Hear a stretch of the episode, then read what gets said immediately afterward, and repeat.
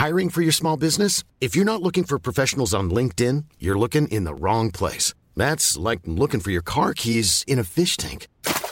LinkedIn helps you hire professionals you can't find anywhere else, even those who aren't actively searching for a new job but might be open to the perfect role. In a given month, over 70% of LinkedIn users don't even visit other leading job sites. So start looking in the right place. With LinkedIn, you can hire professionals like a professional. Post your free job on linkedin.com slash people today.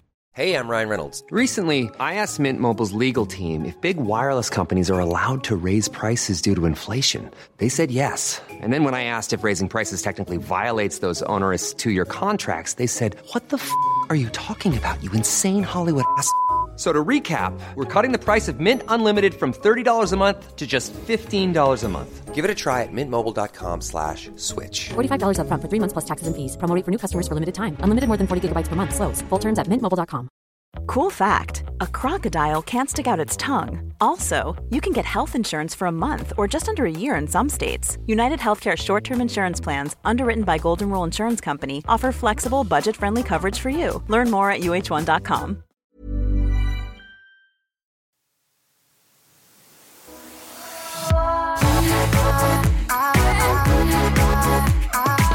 I morse möttes jag av Ice Cold Superstar. Ja. Du förbereder dig ju jättemycket på saker som ska hända. Och det här har jag liksom inte reflekterat så mycket över. För det här har du säkert gjort alltså hela vår vänskap. Men det är på senare år som jag har uppfattat det. För att jag har öppnat mina öron. För att jag har ju verkligen problem med att lyssna på andra. utan Jag tänker bara på mig själv. Och nu har jag börjat höra att du ju, alltså hela tiden. Och då menar jag hela tiden. Pratar om det som komma skall. Och förbereder inför det på olika sätt. Jag är alltid minst 10 minuter fram ju. Var ska vi efter vi varit? För vi är Mm. på hotell. Vi är på Haymarket i Stockholm och har sovit här för vi har haft lite möten. Och då till exempel när vi är på frukosten så tänker jag hela tiden, vad är klockan? När ska vi gå Mm. Hur länge härifrån? kan vi äta frukost? Precis. Är Emily snart klar? Ja, alltså det är verkligen... Och då ska jag berätta vad jag tänker på frukosten. Det är gott när man lägger lite rödlök på äggen. Ja, det tycker du. Det är det enda jag tänker på. Jag äter i exakt den takten som känns bra. När jag ätit upp så tänker jag inte på vad klockan är när jag bestämmer om jag ska gå och hämta mer. Jag har inte en tanke på klockan. Och det här är ju det typiska, jag får upp jättemycket på min TikTok, maskulin och feminin energi. Och du är ju 100% feminin och jag är 100% maskulin. Mm, i, I vår energi. Ja, och jag tror att vi kan lära oss mycket av varandra. Ja, och alltså grejen är att jag alltid tänkt att jag är en person som gillar struktur. Och det är ju många som är mycket i den maskulina energin som blir jättetrött av det. För det är så ansträngande. Ja, att vara i den som- feminina energin är, och är som att vara tio år. Och ens mamma säger nu är det mat. Och vara i den maskulina energin och bara mamman som har hackat löken, stekt falukorven. Alltså den är ju slut när maten är klar. Det som är så skevt är att det vanligaste i liksom cis-relationer är ju att mannen är i feminin energi och kvinnan är Mm. Är i bara maskulin. feminin Så feminin är ju verkligen att göra det som känns, göra mycket för sig själv. Mm. Ja, bara gå på intuition. Precis. Och eh, maskulin är. Mm. ju att ha kontroll och fixa med saker och, och sådär. Ja. Jo men och då så säger du på kvällen när du ska sova, då, du ska knappt sova, alltså jag, jag har inte ens borstat tänderna än. Men Du har redan börjat planera morgonen. Mm. och då Minutiöst, fast jag har svårt med tid. minutiöst gör du detta. Så då säger du till mig, du också kan ju inte ta dig fram så lätt eftersom att du fortfarande, nu kan du börja gå lite med ditt ben men det är fortfarande liksom ansträngande att du ska ta dig runt så att du måste planera då och ha alla grejer nära dig. Så du säger vart är mitt smink? Det är bra om jag har det här så jag kan sminka mig på morgonen. Morgonen är redan planerad. Ja, men jag vet, alltså klockan ringer åtta, då ska jag göra morgonmeditation, morgonmeditation. sen ska jag ringa till läkaren och sen så har vi då bara 20 minuter på oss att fixa oss innan vi ska till frukost en halv. Sen ska vi äta från halv till nio och nio ska jag hinna innan dess prata med Hanna för vi ska ha ett möte då med våran poddmanagement. Så att det var tajta puckar. Det var, det var tajt schema. Det kändes inte så tajt. Det gick jättebra för Ja. att jag hade planerat. Ja, för att det var planerat in i sista minut. Ja. Ja. och då säger du så jag måste ha mitt smink här inne och sen så rummet som vi sover i är det inga fönster i så det är jättedåligt ljus. Båthytt. Båthyttsljus och det vet alla som ska sminka sig. Då kan man sminka sig i det ljuset och sen går man ut i dagsljus och då var man fläckig. Alltså då var det en leopard som hade sminkat sig. Ofta för mörk eller... Mm, det ser helt, man har inte liksom alls bländat ut så man Nej. ser helt tokig ut. Så då säger jag det finns en spegel här ute i stora rummet med en lampa. Ska du sitta där imorgon? Precis, för det är två rum. Mm. En båthytt och en jättevacker hotellrum som är liksom, där inte sängen är. Där det är jättebra ljus. Mm. Så då säger du att du ska sitta där och vi kommer överens om det och då säger du direkt åh då kommer jag bli kall, då ska jag gå upp och du förbereder dig på att det kommer vara kallt, du kommer inte vara sugen att lämna täcket men det kommer du göra. Och sen så hör jag hur du viskar för dig själv. Ice cold och då får jag säga hallå? då, då fattar jag att du nu peppar dig själv att för att klara av den där lilla gången mellan den varma sängen till det kalla sminkbordet måste du peppa upp dig själv att du då kommer vara ice cold superstar. Alltså, jag tror att det är få som peppar sig själv så mycket som mig. I mitt huvud och högt. Och... Och du gör det redan kvällen innan förbereder du dig för. Du hjälper dig själv, ditt framtida jag, att komma ihåg att åh, varför jag vill inte gå upp. Då ska den påminna Lisa, come on, you're ice cold superstar. Alltså, Du försöker har- vända något jättejobbigt till något positivt. Ja, ja jag, ska, alltså, jag ska klara mig här de här fem metrarna. Jag tänkte också fan jag måste sätta mig ner vilket är lite svårt. För jag tänker jag kommer inte gå upp i kryckorna. För det tar för lång tid att ta upp kryckorna utan jag ska vara Ice Cold Superstar som en blixt genom sovrummet, ut genom dörren, ut till Och nästa rum. det är du kan jag säga. Ja, sen ska jag sätta den mig ner på golvet. du är på morgonen är du nästan aldrig annars.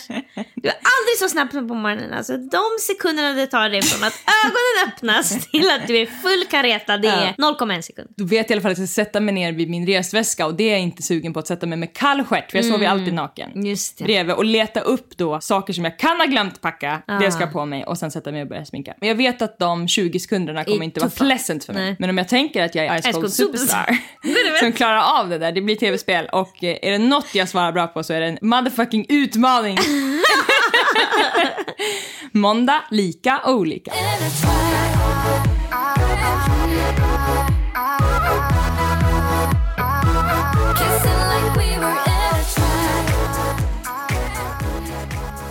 Jag tycker ofta att jag är ganska bra på att spotta psykopater. För bra är du på det. Jag tror att anledningen är faktiskt att de ofta är ganska lik mig. Och att jag kan se om någon, eller se, jag märker efter ett tag om det kommer från godhet eller att man vill ha ut någonting. Och det där, alltså, det där är någonting som är så himla intuitivt. Så Mm. någon som är som jag är och vill ha allting med logik och siffror och alltså helst för Mm. att jag ska känna att jag kan tro på det.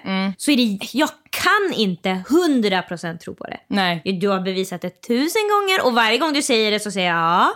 Och så, så kollar jag lite extra på personen och tänker men, men vad har vi för bevis vill jag säga då. Fast för dig är det som att vad har vi för bevis? Ja, i himlen blå så det är inte konstigt för dig alls. Bevisen finns i hur personen rör sig, hur den står, var den, hur den valt att klä sig, vilka den pratar med. Alltså allt, det är redan Ja. klart. Du har bevisen rakt framför dig. Titta så kommer du se. Medan jag tittar och ser trevlig tjej som, ja vadå, en kille som är mitt i karriären. Alltså, Det är ju ja. det som är, psykopater är ju ofta personer som man tycker jättemycket om. Det är ju jättecharmiga personer, de är Ja, ofta ja, ja. snygga för de tar hand om sitt utseende, de tycker det är jätteviktigt att ha ett Det de fint gör yttre. är att det som samhället anser vara högt värderat Mm. i status, det har de 10 av 10 på på alla. Eftersom de manipulerar så manipulerar de också hela samhället. Ja, ja. De, och de väljer, det, så det är inte så att de kan ha ett intresse för att skulptera sitt skägg. Men de har sett Mm. att samhället tycker man ser sexig ut då. Ja, då är det fram med den där lilla rakhyveln som de hade på 1800-talet och gå in och fixa. Det finns inga manliga psykopater som har så perfekt De har så ansatt skägg. skägg. Alltså då. Det är så Snyggt skägg, det, det, doftar ser, gott. Mm. det ser nästan komiskt ut. De går ju nästan till överdrift så att man kan känna att det där var, vi är på väg mot peacocking. Det blir tecknat ja. Ja, exakt. Mm. De går för långt. De gör det för perfekt. Det som är är ju, man säger ju att man kan inte ljuga för en lögnare. Och för mig så är det så med dem för att de... Mm. du är de, själv psykopat fast med snäll kärna. Exakt. Så de kan inte vara snäll utan en snäll kärna. För då märker jag det. Eh, Då märker du att det bara är för egen avrunk. Ja, och vi har ju jättemycket psykopater i mediebranschen. Vi gick ju igenom vad psykopater jobbar med för några, det var Vad- två år sedan eller någonting i podden. Vi, det? kan vi verkligen uppdatera i något avsnitt. Verkligen. det ska uppdateras. Och de drar sig ju till makt. Mm. Och vart finns det makt? Jo, det finns ju jättemycket i kändis, alltså mediebranschen. Ja, och det som jag också tror är för de här psykopaterna är att det finns ju verkligen också ett förakt mot kändisar som de inte känner sig sugna på att vara. Så de vill ju vara toppjuristen som jobbar med kändisar. Absolut. Eller de vill vara alla kändisars personliga tränare. De vill vara... Manager. Ja, det vill de vara me- mest av allt. Manager, de vill vara, ha eget, alltså de ska ta hand om allting. Verkligen. De är vd på olika alltså, Ja. Mm. mediebolag och bara så. Du och jag och några till tjejer var ju på teater på Dramaten för Mm. några veckor sedan. Och då bokade jag in oss på Vi åt god mat och skrattade som alltid. Mm. Vi är ju i våran lilla sfär och vi passar ju inte riktigt in där. Vi är ju lite mer livliga på vårt sätt än vad Jag såg ingen annan som var där så jag har ingen aning. Okej, jag ska, du kan nu ska berätta berätta för dig. Att det är ju det typiska Stureplansklientelet som Ja, är där. Östermalm-crowdet. Precis, det är Mm. blonderade kvinnor med lagt hår. Många hade hundar i sin famn, små hundar. Mm. Små hundar, mm. Eh, många hade också med sig sina barn, alltså bebisar, vilket jag tycker är verkligen inspirerande. Jag känner om jag får barn att jag verkligen kommer vilja Det nästan, ha det runt mig. Nästan alltså ditt bästa Ja. barncontent är barn på fest. Ja, För det är det som är största skräcken, att du inte ska kunna vara på fest. Ja men det är också mina finaste barndomsminnen. Jo, det är det absolut. Att jag fick vara med mamma och pappa. Alltså, jag, jag var Det är ju, därför du älskar fest idag. min största skräck var ju att vara själv. Så att det var bara när jag fick vara med på konserter, på Mm. fester, på middagar. Alltså det var guld, topp, topp, topp. Och så är det ju männen då som har den här typiska, alltså backslicken många, de har det här äh, De har den där quiltade västen. Och, Exakt, de har någon peak performance, piké med märke, lång men vi ärm. känner inte till det. Vad sa du? De har säkert ett dyrare märke. Absolut. Mm. Morris. Okej, det är, vi är på väg mot Morris. Moncler. Vad vet vi? Ja, vad, vad vet jag om deras märken? Absolut ingenting. Och när jag höjde blicken, när vi satt där och åt, så såg jag, gud vad mycket psykopater det är här. Jag såg på deras Vi skulle ryggar. gå igenom hela restauranger för att gå på toaletten. Mm. Och när man gör en sån walk genom ett crowd på det sättet. Jag använder mig av engelska uttryck så alla ska förstå. Ska- Det är klubbstämning. Ja, det är det är absolut. det, folk står, Men när står man i går baren. igenom så, Mm. och särskilt om man heter Lisa Borg, tidigare Ankarman, så gör man då en otrolig bedömning. För då söker du ögonkontakt, Mm. du har ju en öppen blick, alltså jag kollar ju rakt ner i golvet. Alltså får jag ögonkontakt med en person känns det jätteobehagligt. Då, Mm. ah, då måste jag kolla upp i taket. Men jag vet ju att du skannar ju, du går med zzzt och ser vilka kollar, Mm. vilka kollar ner, vad får jag för blickar, alltså vilka får jag ögonkontakt med, vilka får jag ögonkontakt sen kollar de ner, vilka kollar alldeles för länge, vilka vill börja prata, alltså det är ju, du gör ju jättebedömning där. Mm, Det går så fort, det är verkligen, är det någon jag känner här som jag borde hälsa på? Är det någon följare som vill säga hej? Är det, jag har ju det där hela du, tiden du på. tittar ju också hela tiden på reality även när du är ute. Så då Gud, tänker ja. du, åh, vad har de fått satt ihop för Ja, grupp precis. här? Jag på i Farmen? castare i alla ja. Mm. Gud vad jag skulle vara bra på det. Att jobba med casting i ett annat liv. Vi är också nere på toan och då sitter ju en av de här typiska killarna med den här quiltade västen. I en fåtölj utanför toan. De har ställt toan. Och jag ser, jag går med mina kryckor. Bara ser det, det, är han, så, det är så öppet för folk att prata med de har kryckorna. De vill ju bara, åh, Verkligen. det där var inte kul. Jag ser att han, eh, han har en questionable personlighet. Alltså han, jag Jag känner ser, att det är något som är lite dodgy. han har ormögonen. Mm. Alltså han ser mig, jag ser att han tycker att jag verkar intressant. Mm. Jag drar ju också till mig de här personerna som vill ha makt för att de tänker där är en person som är svår att snärja. Henne ska jag försöka Mm, liksom, trycka ner i skorna. Ah, så jag går in på toan och så, är vi där inne och så kommer Det jag ut. är som konstant maktkamp med kreti och pleti. Alltså. Ja. Är det inte tågkonduktören så är det kvinnan Mm. på bussen. Alltså det är hela tiden i olika, särskilt med män. Alltså, du, Mm. När de ser det då ser de on God. Som att vi ska fäktas. Men det är för att jag alltid har spjutet i handen. Ja, Alltså, ja, ja. jag- Värjan jag- är rakt bakom ryggen som tar ifrån. Det där har jag verkligen fått av pappa också. Ja. Alltså, man är supersnäll så länge folk är ens följare och liksom Mm. lyssnar på en och är liksom så. Och, och, och om man inte är deras ledare, då är det on ja, guard! ja, det- Mösse 2 Alfa, då blir det ju Mm. Ja, bråk. verkligen. Och då kan jag tro då att, att psykopaterna tycker att det är intressant att fäktas med mig. De gör det ibland i form av flört. Mm. Gud, de vill ju testa först. Ja. Kan vi ha sex? Ja, och de vill se vem kommer säga den klyftigaste repliken här nu. Så han säger bara direkt, ja ah, har du varit i Åre? Och jag säger nej det har jag inte, jag har gjort operation med och så drar jag hela harangen Mm. liksom. Och sen så går vi bara. Så jag fortsätter inte prata med honom. För det är ju verkligen det bästa sättet att Ja, bli av med dem, det ja. är bara ignorera. Så vad han än skulle sagt så skulle jag bara fortsätta gå. Så det är tipset till alla. Ja. Verkligen. Men det är så läskigt för vi människor vill ju ha trevlig stämning. Men det Ja, där har jag verkligen man- fått lära mig the hard way. Det är ju liksom som att man, ja, om ni vill lära er från mig så kan jag säga om man hade sagt till mig, jag har varit i Åre, då skulle jag sagt nej och gått vidare. Ja exakt, jag skulle inte ha svarat det är absolut bättre. Men, eh, men ja, har man en social personlighet Mm, och vill vara folk till lags, vilket jag har och många som lyssnar troligtvis, så är det tipset. Att först svara och sen, för då har du sagt och då kan du gå förbi Mm. och då kan du fortsätta sen när du pratar. Ja. Polletten trillar ner för dig när du går runt i crowden och då kan inte du vänta en, två, tre sekunder på att berätta det för mig. För Mm. att vi försöker ta på oss jackorna för att gå ut.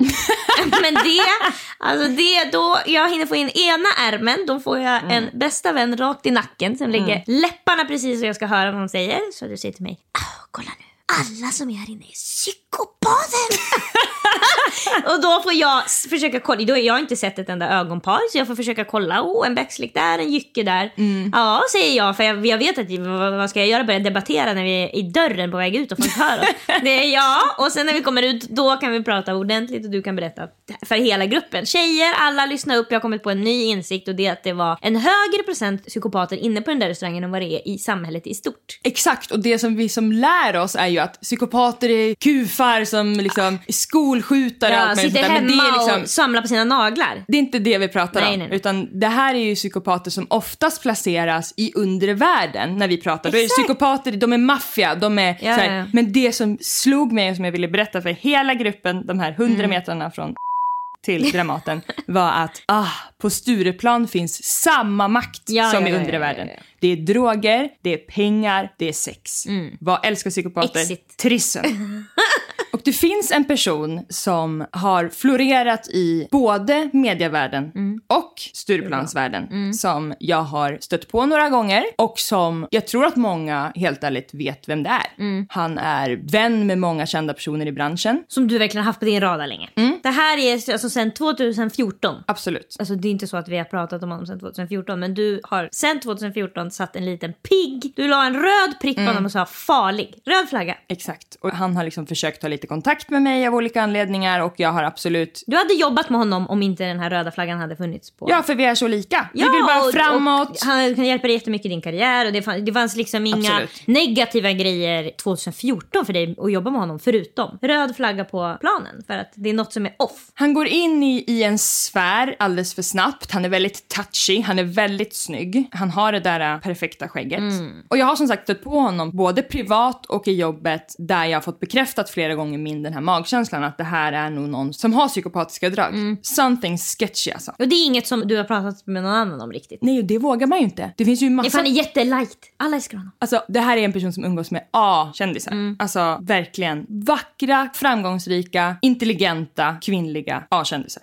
Och väldigt många människor fick Mm. kanske inte din radar men ännu fler kanske fick den men aldrig lyssnade på den. Exakt. För att om någon hade skrivit en plus och minuslista Mm. så hade det varit plus plus plus plus plus och på minus hade det bara stått psykopat? Frågetecken. Ja, eller så här, sätter mig ibland i lite osköna Ja, kan situationer. göra att det blir lite stelt. stel. Ja. Mm. Precis, pressa mig på ett snällt sätt så att jag gör saker så som jag efteråt tänker, det där vill jag faktiskt inte riktigt. Det var som en av våra kompisar berättade häromdagen att hon hade varit i ett möte med en person som har varit i en chefsposition slash kollegaposition med henne tidigare. Varpå våran kompis kommer in i rummet och den här äh, kollegan säger Åh gud, du har verkligen utvecklats, du har verkligen, vilken härlig energi du har. Och våran kompis sa då att så här, det kändes så bra att hon såg det. Och då sa jag till våran kompis, hur skulle det kännas för dig nu när du kom hem till mig om det första jag skulle säga till dig var Åh gud vad du har utvecklats, vilken härlig energi du har. Och hennes ögon bara blev så stora, hon bara det är ju Alltså det är jätteobehagligt. Jätteobehagligt. Varför ska man innan man säger hej syna den personen från topp till tå och lägga en värdering i hur den har levt sitt liv. Alltså det, det normala är att säga åh gud vad härligt, vad glad du verkar, vad, är det något som har Ja, hänt? ja, Eller. Men jag som person som möter en annan person, jag ska ju inte berätta för den hur, den har är. utvecklats. Nej. Och det är också tydligt då att man säger förut var du Exakt. och nu har det steppat upp. Precis. Det är som Och att det säga vad snygg jag, du har jag- blivit. Exakt, för jag Istället ser för det att säga vad snygg tiden. Mm. du är. Och det är ju verkligen, alltså Psykopat den, 101. den personen har vi också haft våra ögon på. Mm. Det är inte samma person men det finns flera i mediebranschen. Absolut. Det finns ju också den typiska. Som ju också en hel bransch är besatt av på jättemånga sätt. De nästlar sig in. De blir bästa, bästa bästisar med, Ja, med liksom- eliten. eliten, Så vem ska verkligen. våga säga ett ljud? Och nu Lisa, jag kom på nu. Vill du svindla? Tänk på hur det måste vara i Hollywood. Oh my god. Jag orkar inte ens öppna den dörren. Men förstår du vad det haglar psykopater? Det du säger nu. Oh, Ah, det är så farligt. Det är jättefarligt. det värsta är att det- är alltid de som har makten att anställa. De som ska Ja, bestämma ja, ja, ja. vem ska få den här rollen. De beställer vem, who's in and who's out. Tänk i porrbranschen. Och nu öppnar du en dörr, en dörr, en dörr, en Mm. dörr, en dörr, en dörr. Nej, nej, jag vill inte tänka. Jag tror 90% faktiskt. Av alla de som bokar och håller på. Alltså det är ju bara spillror eller psykopater i princip. Mm. Och spillrorna tror jag inte överlever. Alltså, Nej, spillrorna är mat Psykiskt. för psykopaterna. ja precis. Det finns ju psykopaternas Äta och hundar. ätas, Du har äta och ätas finns. 50% är psykopater, 50% är hundar. Hundmat. Och häromdagen så fick jag vatten på min kvarn. Mm. Kan man säga. För då kom jag nämligen över en stämningsansökan som du ska få läsa nu. Åh. Triggervarning våldtäkt. Stämningsansökan, häktat mål, åklagarbundet. Rubriken är våldtäkt. Och så får vi en beskrivning av en typ av våld som tyvärr jätte- jättemånga tjejer utsätts för. Absolut. Det här är en, alltså i havet.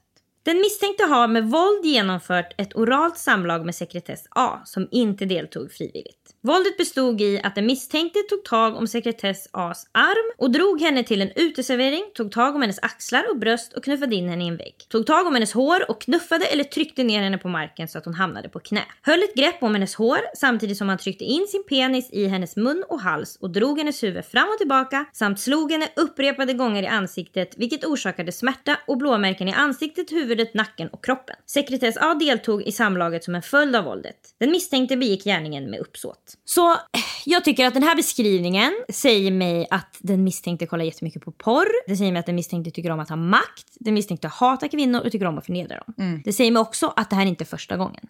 Det görs ju med vana. Han vet att han kan dra in någon liksom på en uteservering lite bakom några stolar. Alltså han har gjort det så många gånger. Det görs också med noll empati och samvete. Det är bara rakt ner, in, ut, in, ut, in, ut, in, ut. Han På öppen gata, alltså det är ju på en restaurang. På öppen Ja. gata. På öppen gata. Han har gjort det här så många gånger. Det här är bara första gången någon har lämnat in, alltså anmält det. Alltså om någon hade sagt till dig 2014, du har eh, upptäckt en eh, våldtäktsman ibland oss. Som ingen annan hade pekat ut som våldtäktsman. Dels med argumentet, varför skulle han behöva våldta någon? Han är skitsnygg. Jag har pengar och liksom... Ja, ja, alltså han kan få vem han vill. Och det vet vi ju att det är ett argument som inte håller därför att även de killarna som kan få inom citat vem de vill tycker jätte, jättemycket om att ta exakt vem de vill oavsett om den säger ja eller nej. Om det står tio tjejer på en rad så säger den jag skulle vilja ta ettan, tvåan, trean fast femman, sexan och sjuan säger ja vi kan ställa upp. Nej, nej, nej. Jag vill ha ettan, tvåan, trean och jag kommer dra ner med armen, stoppa in snoppen och ta deras axlar och dra in, ut, in, ut, in, ut. Samtidigt som jag slår dem i ansiktet så att de får blåmärken.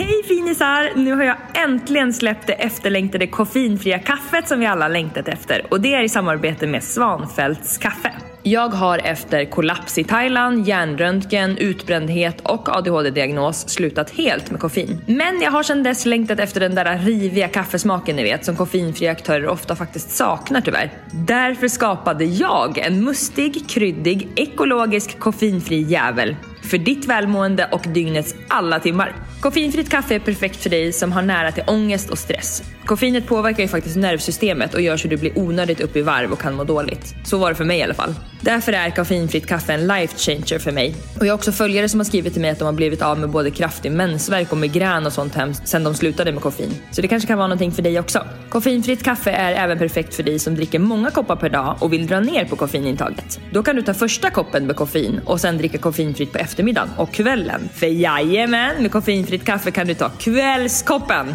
Alltså det är så lyxigt så det finns knappt ord. 10 kronor av varje sålt kilo går dessutom till Järnfonden och ni hittar kaffet på svanfältscoffee.se eller i direktlänk på mina sociala medier eller i beskrivningen till podden. Jag hoppas verkligen att ni ska tycka om kaffet lika mycket som jag. Det är så gott. Alltså man känner ingen skillnad från vanligt kaffe och det här. Det lovar jag dig.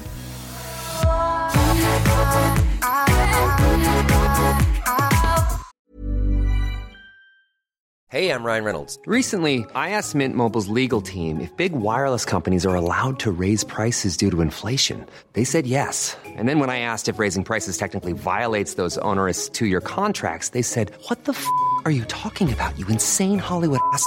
F- So to recap, we're cutting the price of Mint Unlimited from $30 a month to just $15 a month. Give it a try at mintmobile.com slash switch. $45 upfront for three months plus taxes and fees. Promo for new customers for limited time. Unlimited more than 40 gigabytes per month. Slows. Full terms at mintmobile.com. Hold up. What was that? Boring. No flavor. That was as bad as those leftovers you ate all week. Kiki Palmer here, and it's time to say hello to something fresh and guilt-free. Hello Fresh. Jazz up dinner with pecan-crusted chicken or garlic butter shrimp scampi. Now that's music to my mouth. Hello Fresh. Let's get this dinner party started. Discover all the delicious possibilities at hellofresh.com. Hiring for your small business? If you're not looking for professionals on LinkedIn, you're looking in the wrong place. That's like looking for your car keys in a fish tank. LinkedIn helps you hire professionals you can't find anywhere else, even those who aren't actively searching for a new job but might be open to the perfect role. In a given month, over 70% of LinkedIn users don't even visit other leading job sites. So start looking in the right place. With LinkedIn, you can hire professionals like a professional. Post your free job on linkedin.com slash people today.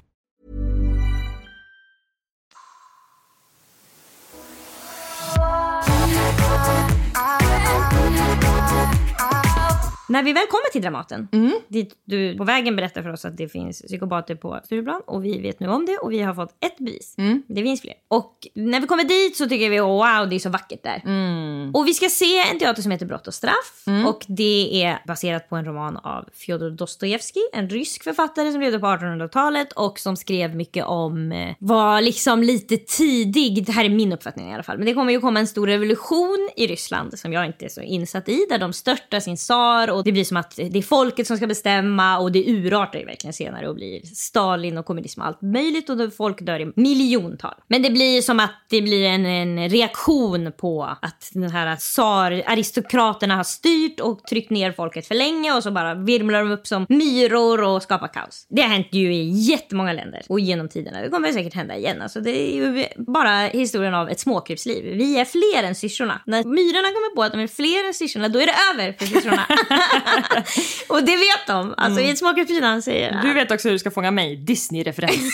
Exakt, du bara, ah, men vad vet jag om bolsjevikerna? Men berätta för mig om ett småkrypsliv så fattar jag. Och det är jättebra att ett småkrypsliv finns. Det är tydligt. Alla fattar vad den filmen handlar om. För en säger vi är ju fler och syrsorna säger de får inte komma på att de är fler. De måste samla mat till oss. Ja, i vilket fall som helst så skriver Dostojevskij liksom om fattigdom jättemycket. Om liksom den mänskliga kampen och han är jätteintresserad av moral och han har skrivit den här historien som heter Brott och straff som har blivit som ett klassiskt verk om just moral. Som handlar om en ung student som, jag har inte läst boken utan jag har bara uppfattat att den handlar om det här. Som mördar en pantlånerska som han tycker är liksom en parasit på samhället. Hon bara skor sig på att folk inte har några pengar och kommer dit och måste ge ifrån sig sina saker som de älskar och hon här sitter och bara blir rikare och rikare. Så han mördar henne, dels för att han själv inte har några pengar här för mig. Och sen så får han liksom leva med det här brottet då. Han, han tror innan att jag som är en sån upphöjd person, det är klart jag kan döda en sån där ohyra. Det kommer inte spela någon roll och det är egentligen kanske till och med moraliskt bra att jag gör det. Och sen så kommer ju alla då ångestspökena och han blir bara nedbruten som en... Ja, jag är beredd på att det är det jag ska se när jag kliver in. Du och de andra har ingen aning om vad ni ska se. Nej, vi litar på dig. Det är ju du som bokar våra teatrar i vår grupp som heter Kulturkvinnor. Ja. Jag bokar ofta restaurang Ja. och de andra kommer med glatt humör. Ja, och vi sitter på väldigt, väldigt dåliga platser. Om vi sitter bak, då ser vi faktiskt inte scenen, utan vi måste luta oss framåt. Det är fyra våningar. Vi sitter på den fjärde våningen tillsammans med olika gymnasieelever som har blivit ditvingade av sina lärare. Stackarna, säger jag. Dramaten är U-formad i hur man sitter och vi sitter på sidan i U. Man vill ju sitta i själva runden Ja. där det är mjukt och gossigt och man Ja. ser väldigt bra. Ja. Men vi sitter på sidan och precis som du säger om man lutar sig bak så är det en kant eftersom vi sitter så otroligt högt upp. För att inte vi ska ramla ner Ja. Och dö så är det en ganska hög kant. Så om man, om man lutar sig bak skönt då så att man kan sitta och lyssna, då ser man ingenting. Nej. Så alla måste sitta med sina hakor över en kant Mm. där det också är en vajer. Som, som alla håller i. Alla gymnasieelever runt hela U Ja. håller i samma vajer så den åker upp och ner hela tiden. det är helt bedrövligt. Så vi sitter på katastrofala platser och när historien börjar, jag får en känsla av att den som har regisserat den här pjäsen har tyckt att brott och straff, det känner alla till. Det är tråkigt att göra bara brott och straff. Nu ska ni få se när jag stoppar ner den i mixen och sen lägger upp den igen. Det är ju också klientellet på Dramaten ser vi ju, är ju sådana personer också som vill vara i den klicken där man går just på en teater som man känner till men den är lite svårare än Ja, ja, ja. Men den är så extremt svår. Så alltså första tio minuterna, alltså jag anstränger alla mina synapser till tusen för att fatta vad det är som pågår. Det går två minuter utan att jag förstår ett enda ord. Jag får inte ihop en enda mening. Sen går det fem minuter och jag känner shit, jag har Ja. aldrig varit med om det. Jag, jag vet inte vad det handlar om, jag vet inte vad någon heter, jag förstår inte vart vi är på väg. Jag Det fattar går tio minuter, jag förstår fortfarande absolut ingenting. Och då känner jag okej, jag har ont i ryggen, jag håller i en vajer, jag hör inte, jag, jag fattar inte, jag, Jag ser inte, jag fattar ingenting. Alltså jag fattar kanske mest av Kulturkvinnorna och jag fattar alltså 10% av pjäsen. Då vet jag ändå ungefärliga plotten och det som, ungefärliga som jag visste, jag har inte sett en tillstymmelse av det på scenen. Det ovanliga med kulturkvinnor som är ett babbligt gäng är Mm. att vi är så jävla gulliga och koncentrerade. Så det går en halvtimme, 40 minuter utan att vi säger ett pip till varandra. Alla sitter med stora Mm. Ja, ögon. Vi kan knappt prata med varandra för då missar vi. Och, och vi har fortfarande inte uppfattat vad det handlar om. Vi chippar efter halmstrån. Alltså det kan jag förstå någonting, känner vi. Ja. Precis, kan jag få i alla fall förstå vad de här två personerna på scen har för relation till varandra. För de står stått och skrikit på varandra i 12 minuter. Det är en hetsig debatt och jag vet inte vem som har vilket argument och varför de känner varandra. Och det är ju, det ska sägas, det är otroliga skådespelare. Absolut, och så vi måste prata om scenografin för den är Ja. övermänsklig. Enda anledningen till att jag satt kvar. Ja, det var scenografin. Jag håller med dig. Det var vackert. Det var helt otroligt. Och det är som att precis innan första akten aktbreaket Då mördas pantlånerskan. Och det är inte tydligt att det är han som gör det. Och det är inte tydligt varför han gör det. Och det är inte, alltså, ingenting är tydligt. Jag tycker inte tydligt att det är pantlånerskan. Jag trodde det var hans egna mamma. Du har helt rätt. Du säger till mig sen, åh han dödar mamman. Då säger jag, det är två olika personer. De var för Va? lika. De har samma kläder. Ja, och i- presenteras inte. Det är första gången vi hör om pantlånerskan. Då blir hon dödad. Men det var, alltså, jag har aldrig sett något liknande faktiskt i scenografin. Hon är upphöjd fem meter upp i luften. Hon sitter på liksom en kub som är fem meter hög. och fem meter bred. Ja. Och har en vit klänning som är, Täcker är fem hela meter sidan. hög och fem Ja, meter bred också. Den täcker hela sidan. Så hon är så stor och så högt upp så att det är helt sjukt. Och det enda som händer för att vi ska förstå att det sker ett mord är att plötsligt börjar det sippra blod uppifrån hennes sköte Ja. ner Täcker den här vita mot klänningen. scenen, de här ja. fem metrarna. Det går sakta som Jätte, attan. jättesakta. Det är otroligt vacker musik. Det är, precis, det kanske är två minuter av att vi sitter och tittar på att det blir mer och mer blod. Jag tror längre, sju. My lord, det kändes som sju i alla fall. Ja. Det som jag vill komma till med det här är att folk är rädda för spoilers. Mm. De säger jag vill, åh nej jag vill gå in cold, jag vill bara gå in och inte veta vad som ska hända. Mm. Men när det gäller subtext så är det jätteviktigt för mig att jag får veta den innan. Då Mm. kommer jag uppskatta verket mycket, mycket mer. Om någon hade sagt till mig innan, vad, jag visste ju vad historien handlade om och ändå kunde jag inte förstå. Men om någon Mm. hade sagt till mig att den kommer handla jättemycket om olika point of views. Det kommer vara folk som liksom debatterar för olika sidor. Och scenografin kommer att symbolisera vilka som är upphöjda i samhället. Eller den kommer symbolisera vilken förvrängd syn de här männen har på världen. De ser sig själva som gigantiska eller de ser sig själva som jättesmå. Eller, för att de står ju på stolar som är liksom, stolarna kommer in och är sju meter höga. Och det är något som är så jävla starkt med när saker blir sådär stora. För att när man var på Junibacken som barn, jag var där en gång med min faster och åkte den där, jag kommer aldrig glömma, man åker det där lilla tåget och det kommer Katla och allt vad det är. Och det står jättetydligt man får inte fota och hon tar upp kameran 0,1 sekunder efter att jag börjat att börja fota. Så vi har de här bilderna hemma och det är toppen så jag minns det. Men jag min, alltså verkligen som barn, jag tyckte det var otroligt pinsamt. Det där är alltid som barn, alltså om man gör något som man inte får. Jag dog som barn. Och min pappa gjorde det hela tiden så det var ju bara att leva med det. Men i alla fall, och då minns jag på juniorbacken att det fanns de där stora möblerna. Det var två stolar och ett bord. Och så var det som att du, man skulle uppleva att man var en katt. Så här stor ser katten världen. Det kan vara så att det är på något annat ställe jag sett det, men i alla fall sett då möbler och framförallt två stolar som man liksom kunde klättra upp på, men som var jätte, jättestora. Jag minns verkligen också precis det där. Alltså vi har som samma referens men från två olika ställen. För jag var på Astrid Lindgrens värld. Jag tror det är Småland eller Gotland eller Gotland, whatever. Där man får vara Nils Karlsson Pyssling. Mm, det var kanske det man skulle vara. Jag kanske tyckte själv att det var en katt för att jag aldrig hade sett Nils Karlsson Pyssling. Ditt spirit animal. Ja, precis. Jag visste att det var Och det där satte sig så mycket så att det är helt sjukt. När något var förvrängt i den där åldern också. Och jag har var- inte sett det sen dess. Nej. Och nu fick jag se det på scen, då kände Mm. jag jätte, jättemycket. Det räddade våran Men det är helt upplevelse på otroligt också. Dramaten. Det var också att hans mamma liksom höll en monolog som var ett brev hon hade skrivit till honom och då var det liksom ett stort ark som täckte hela scenen. Du är säker på att det inte var pantlånerskan som höll?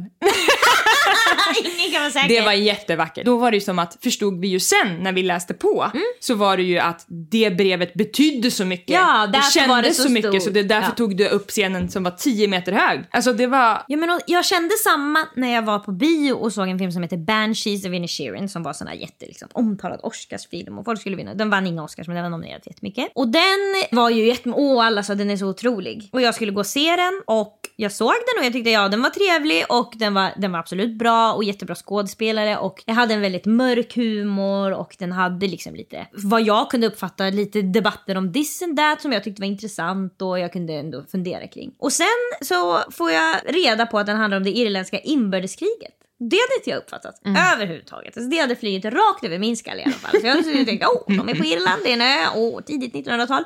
Vad vet jag om irländska inbördeskriget? Absolut noll. Men nu, när jag fick höra det, så fick filmen en helt ny lyster. Nu fattar jag vad den handlar om och nu tycker jag att den blev bättre.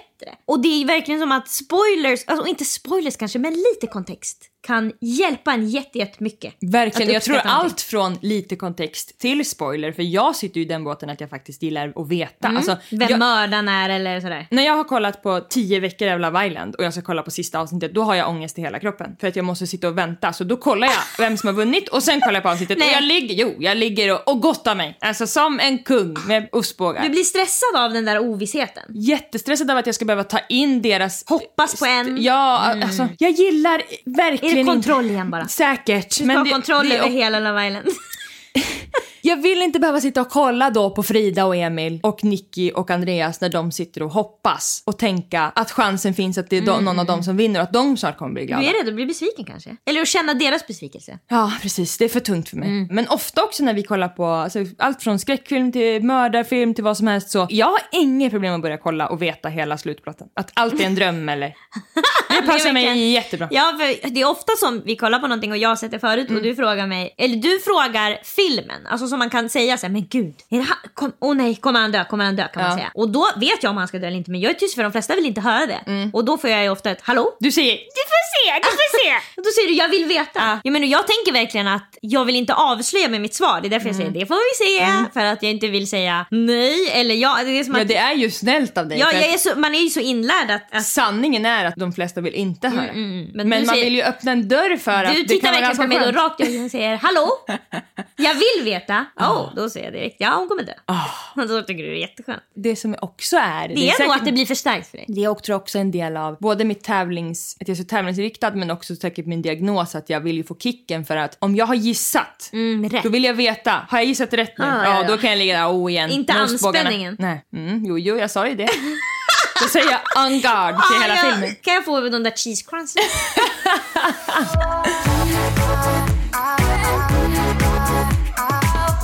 Kärlekssorg. Öppna mejlkorgen!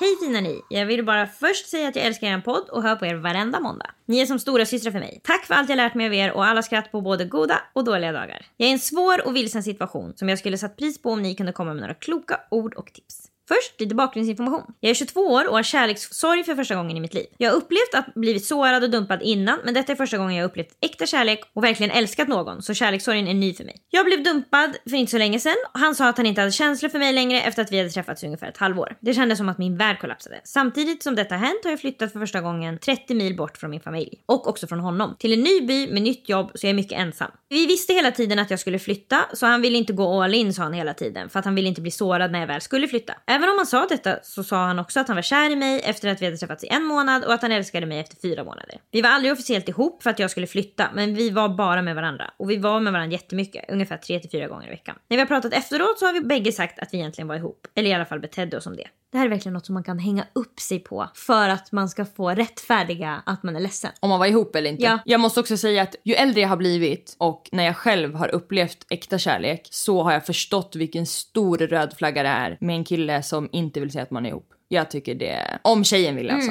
Eller den man är ihop med, Ja. vad man nu är för kön. Ja, det är få lyckliga relationer jag sett där de inte vill säga att de är ihop. Ja. Om båda är överens, do you. Jo, men ändå brukar det faktiskt inte vara så himla bra. Nej, absolut. Men jag tycker bara att alltså, vad finns det för god anledning att inte säga att man är ihop när man säger att man älskar varandra? Alltså det tycker jag Och är då ett måste man ha en riktigt stark... Eh, jag, jag vet inte vad som skulle få mig att säga att det är okej. Jag tycker att det är ett hån mot Mm. relationen. Jag tycker att det är jätterespektlöst att hålla, för det, det kommer bara från feghet. Eller från lögn. Mm. Ja, att man ja, har fler tjejer Ja, eller att Antingen man... är man otrogen eller så är man... Eller så har man tänkt att vi kommer inte vara tillsammans när hon flyttar. Sådana baktankar har personer. Mm. Jo, jo, absolut. Och det ska de ju då båda ha tänkt. Vi fortsätter därför. Vårt förhållande var så himla bra. Allt var enkelt och vi bara fungerade ihop. Han tycker också detta. Vi kunde prata om allt men också bara vara i varandras sällskap. Jag sov över hos honom hela tiden och vi var bästa vänner. Vi hade bra kommunikation och det har vi även haft efter att vi gjorde slut. Han är den första jag älskat och jag kunde se en framtid med honom. Man hör alltid att när det är rätt ska det vara enkelt och det var precis vad det var. Nu till problemet. Jag klarar inte av att sluta tänka på honom och jag kan inte sluta prata med honom. Första två veckorna var jag helt förstörd och vi hade minimalt med kontakt utom några få gånger när vi pratade om praktiska saker. Jag åt inte, jag var nästan inte uppe från sängen och jag ville inte göra någonting. Och sen flyttade jag. Jag trodde inte jag kunde ha det värre, men när min familj lämnade mig i denna nya stad så blev jag så ensam. Så fick jag ett sms från honom där han sa att han saknade mig och ville prata. Ungefär en månad efter att vi hade gjort slut. Klassiskt alltså. En månad, det är då de kommer. en månad, ja det är... Det är ofta då man själv ju har börjat skratta igen och sådär. Och då får man Då sms. kommer de. Mm. När jag vaknade nästa dag så sa han att han bara var full och inte menade det han sa. Mm.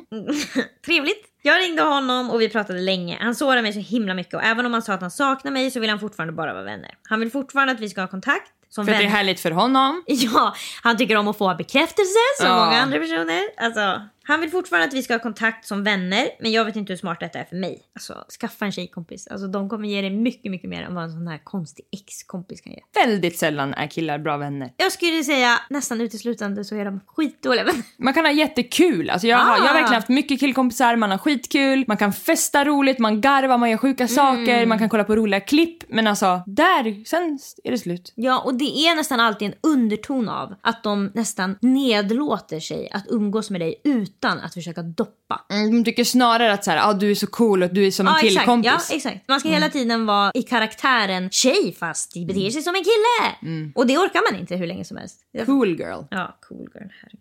Samtidigt så är jag ensam här i nya staden så jag behöver honom som min trygga punkt tänker jag ofta. Det förstår jag att du tänker. Vi har pratat lite på Facetime nu i en veckas tid men jag vet inte om det är så smart att fortsätta. När vi pratar flörtar vi inte, han bara stöttar mig och ger mig råd på hur jag kan må bättre. Han känner ju mig så bra så han vet hur han ska muntra upp mig. Han kom ofta med kommentarer där han pratar om framtiden, som att vi en gång kommer att hitta tillbaka till varandra. Oh my god.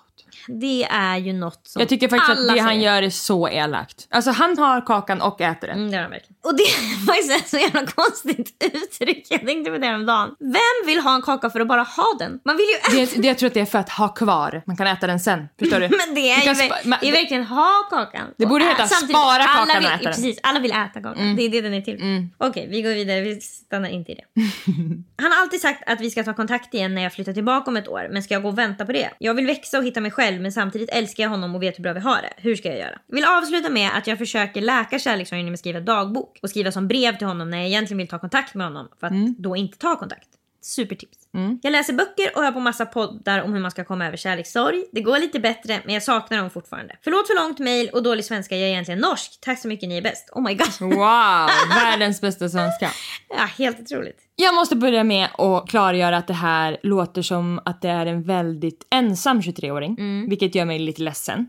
För att då är man i en så skör situation för Frågan ett är, ex. varför är du i nya staden? Det verkar ju verkligen, för min känsla är att flytta tillbaka. Men det verkar ju verkligen som att hon vill vara där. Men att hon det- ska vara där i ett år. hon pluggar någonting eller har fått Mm. något jobb då i, i Åre som någon skidlärare. Ja, eller. precis. Ja, vi, vi ifrågasätter varför har du flyttat? Om du har flyttat för att du ska plugga. För det kan vara så här att du tänker nu, åh okej ska jag gå och vänta på honom i ett år? Och det, ibland kan man också tillåta sig själv att vara så här, ja om ett år ska jag träffa honom igen. Mm. Men jag behöver inte ha kontakt med honom fram tills dess. För om ett år, när du sen ska flytta tillbaka, du kommer tänka, hur kunde jag tro att jag ska gå och prata med Pontus? Mm. Jag har fått 15 nya kompisar, jag har haft två relationer sedan dess. Jag har träffat en kille som får mig att skratta så att jag jag inte tror att det är sant. Och nu ska jag gå och prata med Pontus, som jag inte har saknat på fyra månader. Nej tack. Jag tycker att hon ska försöka ha två fokuspunkter. Mhm. Nummer ett, försöka hitta andra tryggheter. Mm. I kompisar kanske i plugget eller börja facetima med någon kompis hemifrån Mm. istället för honom. Eller också till en början så att hon liksom skiftar lite Mm. trygghetsfokus för att Vet du vad hon ska göra? Jag vet inte exakt vad det svenska ordet är, men dilute. Alltså när man späder ut. Exakt. Hon ska späda ut honom. Så att han, för nu är han,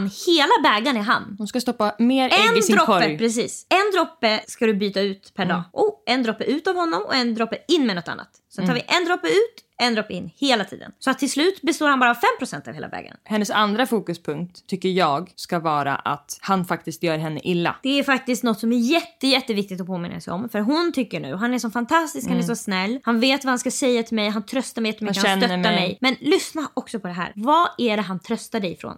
Smärtan som han har orsakat. Exakt. Ska du vara glad om han ger dig en box och sen kommer med ett ispack? Det hade varit mycket skönare att inte få boxen från första början. Det är ju en jättedestruktiv relation. Att Men det- söka tröst efter den som har gjort en illa. Och jag, det är jättevanligt, jag har varit där själv. Det är, nästan, det är nästan det enda folk gör när de blivit dumpade. Då säger de nästan hela tiden. Den enda som kan trösta mig är den som har sårat mig. Och Exakt. det är... Och så fungerar det ju en tid. Men, Mm. men sen måste man komma ur det och det tycker jag man enklast gör genom att skriva upp eller tänka vad finns det för olika saker här som den här personen faktiskt gör mig illa med som jag omvandlar i mitt huvud med hjälp av den här personen till någonting positivt. Mm. Och jag tycker att det var ganska många saker i det här mejlet som jag fick upp skulle kunna stå på den listan. Mm. Bland annat att han håller på och säger att, för han har gjort slut med henne, Mm. men han lovar henne ändå att vi kommer ses sen och han pratar om deras framtid. Han ger henne hopp och håller Han henne blockar kvar. andra framtider. Han stänger av andra Exakt. Mm. vägar och säger ping, ping, ping, stäng alla de där. Kolla!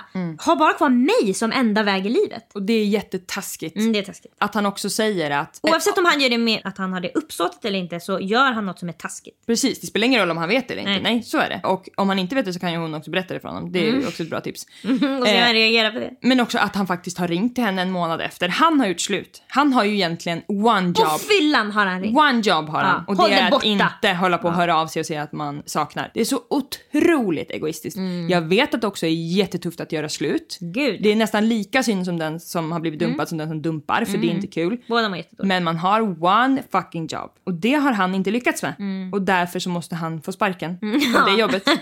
han har inte uppfyllt dina kriterier. Nej, han har faktiskt inte det. Han är Nej. inte respektfull, han är inte en riktig vän. Han verkar också osmart socialt som Mm. håller på så här. Nej, jag, jag tycker faktiskt att hon ska skriva ner när han får henne att må dåligt och varför. Och ibland kan man ju också behöva vända på det. Tänka, skulle jag ha gjort så här? Mm. Om han var jätteledsen och sa till mig det enda jag vill jag vara med dig, jag är så himla ledsen att du gjort slut med mig. Skulle jag då säga om ett år kanske vi kan ses igen? Och måste Håll också- ut, håll ut. Vi jag. måste också kolla på den här situationen utifrån. Mm. De har sagt att de är kära, de har sagt att de älskar varandra. Sen har hon flyttat, då har han dumpat henne. Han har ju redan förstört det de har. Han har ju Mm. redan liksom kastat hela deras respekt och kärlek i vattnet. Mm. Men ska fortfarande hålla på och pimpla då. Ja, så hon ska hålla på och nappa lite grann. Någon jävla abborre Ja. var, och varannan kvart. Ja, och så ska han säga ja, jag kanske drar upp det om ett år, vi får se. Men än så länge så får du bara ha min, alltså den här jävla kroken vid dig. Dra. Som ska spetsa dig varje dag. Men som Men är hon det flyter runt i bitar. Jag tycker nej. Och det du ska komma ihåg är, du, det här är första gången du har varit riktigt kär. Mm. Och ni var tillsammans så jävla kort tid så att du var bara jätte, jätte förälskad. Det är nästan den starkaste känslan som finns på planeten. Mm. Alltså att det ska ta slut precis när man är sådär nykär. Det är för hårt att ta in. Och det betyder också att han aldrig älskade henne på riktigt. För då hade han inte gjort slut när hon åker iväg. Eller så han Jag vill älskar inte henne men med, är jag gör jätterädd. Kan det också vara. Ja, precis. Men han verkar inte vara en rädd person. Han verkar ju vara framåt och trevlig och jättebra vän och allt vad det är. Helt otroligt. jag vet inte vad det var som hände med honom. Men det är i alla fall sjukt att bli utsatt för det. Det är det Mm. hårdaste någon kan bli utsatt för är att bli dumpad i den där äh, nyförälskelsefasen. Mm. För då är man, alltså då är det som att hjärnan knarkar på det sjukaste viset. Och då ska någon dra bort det. Mm, Det är heroin. Hon är mitt i heroin. Ja, du, alltså, du har gått cold turkey på heroin. Så han har ju gått till henne och sagt här är första shotten. Ja, vill du ha en till, vill du ha en till, vill du ha en till? Och sen så kan får ta du aldrig mer, tillsammans. nu får du inget mer. Men du får om ett år.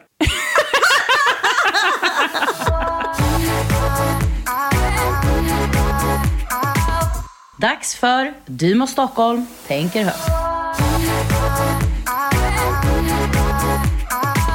En av mina kompisar avslutade sin kärleksrelation för ett gäng månader sedan och har ju då befunnit sig i det här bearbetarstadiet. Och det innebär ju som alla vet, det är liksom toppar och dalar och det kan ju kännas lugnt, ibland ganska långa perioder för att sen då bara så får man världens backlash och blir super, super förkrossad. Man går ju också i regel igenom de här olika liksom chockad, arg, ledsen, besviken. Alltså man, olika känslor då som man måste rida igenom. Alla där måste åka in genom ryggen och komma ut ur bröstet. Måste feel it all to heal it all. Då. Och de senaste gångerna som vi har pratat om hennes breakup så har det känts som att hon verkligen är på väg ur. Hon har liksom inte tagit upp det särskilt mycket heller. Och, och sådär att det har liksom varit lättare för henne att glömma bort honom. Vilket ofta är ju ett bra tecken. Men nu när vi var på yogan sist så berättade hon att hon har känt sig väldigt låg de senaste dagarna. Och att hon först liksom, hon kunde inte riktigt ringa in att det var det här breakupet. Utan det var liksom vädret trodde hon först. Och, ah, ska det aldrig bli vår? Och jobbet värdelöst som vanligt. Jo, kunde man ante mig? Jaha, och bara rött och aldrig grönt, man får aldrig gå över gatan. Det var liksom allt, allt var bovar utom det här breakupet trodde hon då. För att hon hade ju kommit så långt kände hon ju. Så att hon trodde ju att hon, att hon var förbi sorgarbetet. Men det var hon inte då. Och när det väl eh, slog henne, när hon väl insåg att det är nog inte bara vintern som gör mig så här jävla låg och deppig. Utan det är faktiskt att den här relationen är över. Och det tynger mig fortfarande så jävla mycket. Och då beskrev hon det som att det nästan var som någon form av panikartat. Alltså troligtvis också för att tårburken var ju verkligen, verkligen, alltså det var ju bristningsgränsen. Bägaren har runnit över så att det var så jävla mycket som skulle ut nu då. Och hon beskriver det som att hon börjar liksom vara ledsen i soffan och så känner hon att nej det, det är fan, det är fan mer som ska ut. Alltså jag är för ledsen. Jag måste byta plats. Och då tar hon till mitt gamla beprövade knep som är gråta i duschen som jag i sin tur har lärt mig av eh, många innan mig. Så hon söker sig till duschen och där alltså shit hit the fan. Alltså där blir hon alltså vrål mega ledsen. Alltså hon säger att det är nästan, alltså det är skrik, det är skriknivå ledsen. Hon är så jävla ledsen. Och hon liksom, det tar inte slut. Alltså hon blir självtagen av, alltså så här, absolut att jag förstod att jag var ledsen, men Jesus Amalia, alltså var så här jävla ledsen. Och bara skriker hon sitter liksom där och bara vrålar och vrålar och vrålar och är så jävla förtvivlad. Och plötsligt då, mitt i den här paniken, duschpaniken, så knackar det på dörren, ytterdörren. Då, alltså, tyst som en mus, paniken. Alltså så här, ni vet när det är is i kroppen, alltså, förlåt, väntar jag besök? Nej, vad är det som pågår? Hon stänger av, tassar upp, kollar i nyckelhålet och ser att det står en kvinna där. Och hon börjar ju då förstå att det är ju någon som ringer på som tror att far illa. För att hon, alltså så ledsen har hon varit. Så högljutt ledsen och så länge. Så att en granne har då alltså civilkurage, alltså huskurage som Nina Rung kallar det. Det här är ju verkligen någonting som jag har haft med mig i livet. Att Det var någon som sa för ganska länge sedan att ljud färdas på ett otroligt sätt i rören. Mm. Och att om man skriker eller gråter i badrummet så hör grannarna Hela grannskapet. Alltså, det, och jag, alltså jag har verkligen också hört andra, alltså det låter ju lite burkigt. Ja. Det är som att det är nästan en robot, men man hör ord alltså. Jag måste tänka nu, alltså jag hör absolut när folk spolar hör man att åker genom rören. Jag lyssnar så jävla lite på andra. Men Mm, jag är så nyfiken. jag tror inte att jag har hört någon, det kan ju vara så att varje gång jag har hört någon skrika så har den gjort det i duschen Absolut, det kan det verkligen vara. Och något av det värsta är ju verkligen när det plingar eller knackar på dörren om man inte väntar någon. Alltså det måste ju vara något svenskt men det är just, det är nästan den ilar. värsta känslan som finns. Visst! Alltså, och det, egentligen så fattar jag inte varför jag tycker det, för jag tycker det är kul att prata med vem som helst, men det är så otroligt intimt. Det är som att man alltid tror att utanför ska polisen stå och säga Det, nu är det... ja, men det är ju an, antingen är det en granne som vill låna någonting, som jag tycker är det bästa men det är också obehagligt. Eller så är det polisen som ska berätta att någon har dött som man känner, som har kommit hem till en. Eller så är det en, en inbrottstjuv. Ja eller så är det Jehovas vittnen som man ska ha en jättejobbig konfrontation med. Precis, eller så är det någon som vill sälja någonting. Ja. Eh, Alltså ett barn Worst som är case, busig eller worst godis case. eller kommer med någonting som man Ja. ska sitta och stå och lyssna då på när någon Och säljer det är som strumpor. att det är, det är så jävla pinsamt och intimt att vara i sitt eget hem när man inte vet att någon ska komma dit. Då är det som att folk får se med byxorna nere, stjärthål framme. man också ska behöva bära deras känslor när de ska stå och försöka hålla ens uppmärksamhet innan man stänger dörren på näsan på dem. det är liksom... Åh, det är så hemskt! Mm. Man har fem, sex olika alternativ och alla är Alla pest. är pest. Ja. Det enda som kan vara trevligt är alltså Gevalia. Oväntat besök av någon man tycker om. Exakt, precis. En kompis kommer... Jag har ändå ganska stor chans, vilket är trevligt att jag öppnar och där ute står ett litet barn som jag känner. Min systers barn. Ja, precis. Ja. Kan stå där och bling, då är Det det, är det enda som är bra. En, en, Enda någon man tycker om mig. som kommer oannonserat. Ja. Mm. Men, Men den chansen är liten. Promille. Så hon tittar då genom nyckelhålet och får panik och inser att herregud, men herregud, gud vad pinsamt, gud vad pinsamt. Hon vågar inte öppna. Hon är liksom helt fuckad. Och nej men gud, det är inte aktuellt. Noll aktuellt. Hon inser tyvärr också att gråten är inte slut. Men hon förstår ju då att okej, det är någon som tror att jag blir liksom slagen i den här lägenheten. Det går ju inte. Så då beskriver hon hur hon får lägga sig i sängen och gråta i kudden istället då. För att det liksom få ut det sista då. Då hör hon igen då från sängen och ligger där som en liten boll. Så hör hon något i brev brevinkastet. Hon får alltså ett litet brev. Hon tar sig upp igen till dörren och då är det en liten lapp som den här kvinnan då har lämnat. Och nu minns inte jag på pricken Madicken vad det stod på den här lappen. Men det var något väldigt fint formulerat i form av att liksom, hej jag är din granne. Jag vill bara försäkra mig om att du är okej och att det inte är någon som gör dig illa. Här är mitt mobilnummer, hör gärna av dig och oavsett liksom, så, så finns jag här om du behöver prata. Och när berättar det här, alltså jag... Jag blev golvad. Alltså det är så jävla... För det första så blir jag så tagen av att det är så fint och att det borde vara en sån självklarhet men att det långt ifrån är det. Och sen också att det är så jävla genialiskt att man såklart kan lämna en lapp. Alltså skriva ett brev istället för att ringa på. Jag tror inte ens att jag, alltså, jag vet inte men jag tror inte ens att den tanken har, har bara inte slagit mig utan det är så här, du ringer väl på de här olika kampanjerna som man hört talas om. Det är väl att så här, du ringer väl på om du hör någonting. Jag tycker att det liksom är det som har nått mig i alla fall. Att jag har varit så tagen över att säga, det är klart att man kan lämna en lapp. Det är så fint och så smart. Jag tror att eh, förfarande som grannar har gjort är bästa stegen. Först ring på. Precis. Och om För det är viktigt att stoppa svar- om det är mitt i någonting. Det kan ju Alltså vara någon som... att jag har gjort det en gång i mitt liv. När det var ett par som bråkade jättehögt i lägenheten ovanför mig. Det lät verkligen liksom aggressivt. Och då sa jag till David, nu kommer jag gå upp. Och han sa, gå absolut inte upp, det känns jättejobbigt. Och jag sa, jag kommer nu att gå upp, det känns viktigt för mig. Fast jag absolut inte vill. Jag har, har puls, alltså jag vet inte vad jag ska säga om någon öppnar. Jag hoppas att eh, det kommer komma en komet på vägen upp så att jag slipper gå igenom det. Men nu kommer jag göra det. Ja. Och då gick jag upp plingade på och då blev det dödstyst och Mm. var det resten av kvällen. Så att man kan ju om det är bara ett par som bråkar alldeles för högljutt Mm. så kan man bromsa sådana bråk genom att bara plinga på då. Mm. Och i, ingen konfrontation behöver ske utan det enda som man säger egentligen hej folk hör er. Mm. Men säg att det hade fortsatt och jag inte hade vågat plinga på igen då är verkligen lappen jätte, jättesmart. Absolut, det svåra bara, jag som har varit med män som beter sig på det här sättet, Mm. om man är i sånt här bråk, är att de skulle aldrig låta en ha den där lappen. Nej jag vet men de, eh, ja, de är ju så jävla svåra. Mm. Ja, men vad ska man göra? Man kan ju plinga på tusen gånger, de kommer inte svara ändå. Öppna grabbarna. Nej, nej, verkligen inte. Nej, men... Det som, man kan, det som det kanske kan vara är lite wake up call. Dels kan det vara för killen att det är oj folk hör oss. 100% det är det som är det viktiga. Ja, att man skriver hej vi hör Mm. er, vi är era grannar. Och det kan också vara ett wake up call kanske för den som blir utsatt. Mm. Att den känner oh my god folk hör det här, det är så, folk reagerar. Mm. För man fattar ju inte det själv när man står där och skriker att det är så onormalt Mm. och att det är så liksom skadligt.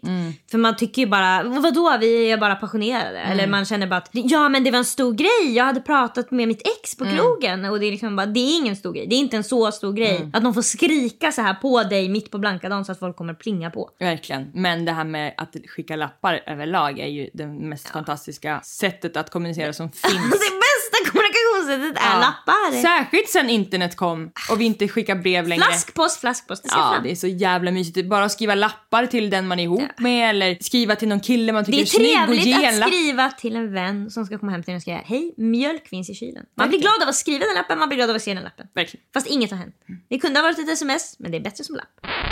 och smsar sin granne direkt och tackar för omtanken och förklarar faktiskt ganska exakt vad det är som har hänt. Och de smsar lite den kvällen och eh, det visar sig att för det var faktiskt också en grej som jag direkt, ganska ögonblickligen frågade så här, hur, gam, hur gammal stod hon ut och var liksom, när du såg henne i nyckelhålet? Hur gammal tror du att hon var? Hur, vad skulle du uppskatta? För jag var så inställd på att det skulle vara en äldre kvinna. Det var som att jag bara fick för mig att den här typen av ringa på och bry sig om är förknippat med liksom 50 plus kvinnor. Men du var tydligen en tjej i hennes egna ålder. Och eh, det är liksom, ja men de smsar där och de pratar och det visar sig liksom att ja, men det mynnar ut i att så här, ja men gud vi bor ju på samma våning, vi borde ju ses och när det blir liksom soligt, vi kan sitta på balkongen och prata. Och det som började då som det här civilkuraget och som den här mörka jävla bäckhemska storyn i duschen. Den tragedin utkristalliserar sig då till en vänskap. Min kompis har alltså fått en kompis på sin våning. Och ni vet ju hur jag alltså, är besatt av grannsamverkan, alltså att ha vänner i huset. Alltså, oh my god. När min kompis berättar det här, alltså wow, fy fan vad jag tyckte att det var så jävla fint. Det var så jävla inspirerande. Jag blev så otroligt glad för hennes skull. Det här var precis vad hon behövde. Exakt precis vad man behöver när man går igenom ett breakup. Alltså en vän i, alltså, i graven bredvid höll jag på att säga. En vän i väggen, på andra sidan väggen. Det är det man behöver. Fy fan alltså. Förstå för henne och möta våren nu med sin nya fina kompis på andra sidan väggen. Alltså wow, wow, wow. Det är helt otroligt att lägga den här lappen, det är ett genidrag och det är helt otroligt att få en vän i väggen. Och jag tänkte nu på hon som skrev mejlet som var så ledsen. Att kan man använda det här manipulativt, det är alltid dit jag går. Så att om man är ensam och ser att det bor en- någon i ens egen ålder som man skulle kunna tänka sig umgås med. Att skriva en lapp och låtsas att man har hört. Men kan man inte Och sen skriva något oj det annat kanske då? var någon grej. Ja men precis men låtsas som att man, man, man hittar på. Mm, absolut, men... Att man... du, är, du är tveksam. Och jag ska berätta nu vad det ska stå på lappen. Mm. Jag skulle ha skrivit så här på lappen. Hej! Alltså... Försöka få det till och sen om man får ett sms som är typ såhär nej det var inte jag. Då kommer man bara skriva oh my... Alltså... Ja, vad skriver man då? jag vet inte vad man ska skriva men det, det kan väl du komma på? Ja. Kreativ. Ja, men då om man gör... Eller kan man skriva typ ehm, hur ska man få kontakt via en lapp med en kompis? Det är det jag tänker. Utan att det, man verkar vara en galning. Utan att man verkar vara en hel galning. Kan man skriva hej? Man kan också låtsas som att man har lagt till allas. Hej jag kommer ha fest i helgen. Typ. Säg till om det blir Och vad ska man skriva mer för att bli vän? Ja, snälla hjälp till. Det är väl vad jag Jag vet inte vad man ska skriva. Jag bara kände att det skulle kanske kunna användas på det här viset. Jag tror att om man ska ha någon chans så behöver man ta reda på någonting personligt om den här personen, kanske genom dens Instagram eller någonting, att Mm. den typ tycker om då spela schack eller gå ut på en speciell klubb eller Mm. Då sådär man och bara, skriva hej. Man skriver bara oh god om man skickade det. Nej men till mig skulle man nog lägga en lapp där man skulle skriva jag och min kille har flyttat in här i huset och vi är nya i den här stan. Skulle ni vilja komma över på middag? Då skulle, det skulle jag nog stoppa. Och den som lägger den i, lappen i min den Ja, ska få se på majbrasa. Man måste veta vem man skriver till. Mm, du har helt rätt. Bästa lappen för mig skulle vara Hej! Jag ska starta en bokklubb här i Mm. grannskapet. Den första boken vi kommer läsa är av en kvinnlig författare då. Och all Ander. kommunikation sker online. ja, men eh, för att jag menar Charlotte skulle ju vilja ha en lapp där det står Hej, jag har startat en GT-klubb, vill du komma eller? Mm. Det är så jävla Hej, jag är specifikt. det är nästan obehagligt att någon skriver Hej, jag har bokklubb och vi kommer att läsa Simone de Beauvoirs. Alltså då känner jag bara, hur kan du veta allt om mitt liv? Ja, precis. Vi kommer Men lägga pussel samtidigt som jag kollar på videoklipp på katter. Alltså det får inte vara för specifikt. Då är man ju jätteobehaglig. Det behöver ju vara både något lite personligt men också något som... eh, Det som är är att man får aldrig bli underlägsen i lappen. Det Man måste vara överlägsen i lappen. Om Man, får inte komma och böna och be. Man är redan underlägsen för att man har lagt lapp. Exakt, man söker kontakt. Då kan man inte också komma snälla, snälla. Därför måste man erbjuda någonting. Just det, just och i precis. mitt fall då en trevlig middag. Just det, med precis. Man och bjuder på något. Man vänskap. bjuder in och d- man Ja. kan få något. Mm. Ja, och kanske Henrik får någon ny kompis, alltså sådär. Jättebra för mig. Och för dig då en bokklubb till exempel. Ja, jag vill alltid vara med i en bokklubb men jag orkar inte hålla i en egen Och bokklubb. för då Charlottes kompis Tröst. Mm, det var vad hon började. Ja. Maila oss på likaolikapodden gmail.com och ge jättegärna podden fem stjärnor i din poddapp. Ha det så bra! Hej då! Jag tar två steg framåt, 20 tillbaka. Staden är tom och ingen har vaknat. För det du sa fick mig att tappa hakan Men någon dag snart kommer solen tillbaka. Sommar, vinter, vår och vi är här igen. Hatar mig, du saknar, du är kär igen. Och jag ska ut ikväll och göra dig galen. Tomma ord, jag vill inte ha det. Tänk att jag var den som höll tillbaka När du gick grät jag i hundratusen dagar. Hoppas du blir misslyckad och hatad. Jag gav allt, nu står jag ensam ut på gatan.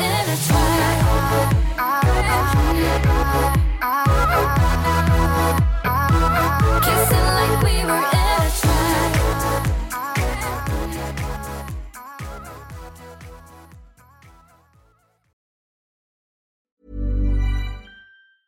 Small details are big surfaces. Tight corners or odd shapes. Flat, rounded, textured, or tall. Whatever your next project, there's a spray paint pattern that's just right. Because Rust new Custom Spray 5 in 1 gives you control with five different spray patterns. So you can tackle nooks, crannies, edges, and curves without worrying about drips, runs, uneven coverage, or anything else. Custom Spray 5 in 1. Only from Rust Even when we're on a budget, we still deserve nice things. Quince is a place to scoop up stunning high-end goods for 50 to 80% less than similar brands. They have buttery soft cashmere sweaters starting at $50, luxurious Italian leather bags, and so much more. Plus, Quince only works with factories that use safe, ethical, and responsible manufacturing. Get the high-end goods you'll love without the high price tag with Quince. Go to quince.com slash style for free shipping and 365-day returns. Even when we're on a budget, we still deserve nice things. Quince is a place to scoop up stunning high-end goods for 50 to 80% less than similar brands. They have buttery soft cashmere sweaters starting at $50, luxurious Italian leather bags, and so much more. Plus, Quince only works with factories that use safe, ethical, and responsible manufacturing. Get the high-end goods you'll love without the high price tag with Quince. Go to quince.com slash style for free shipping and 365-day returns.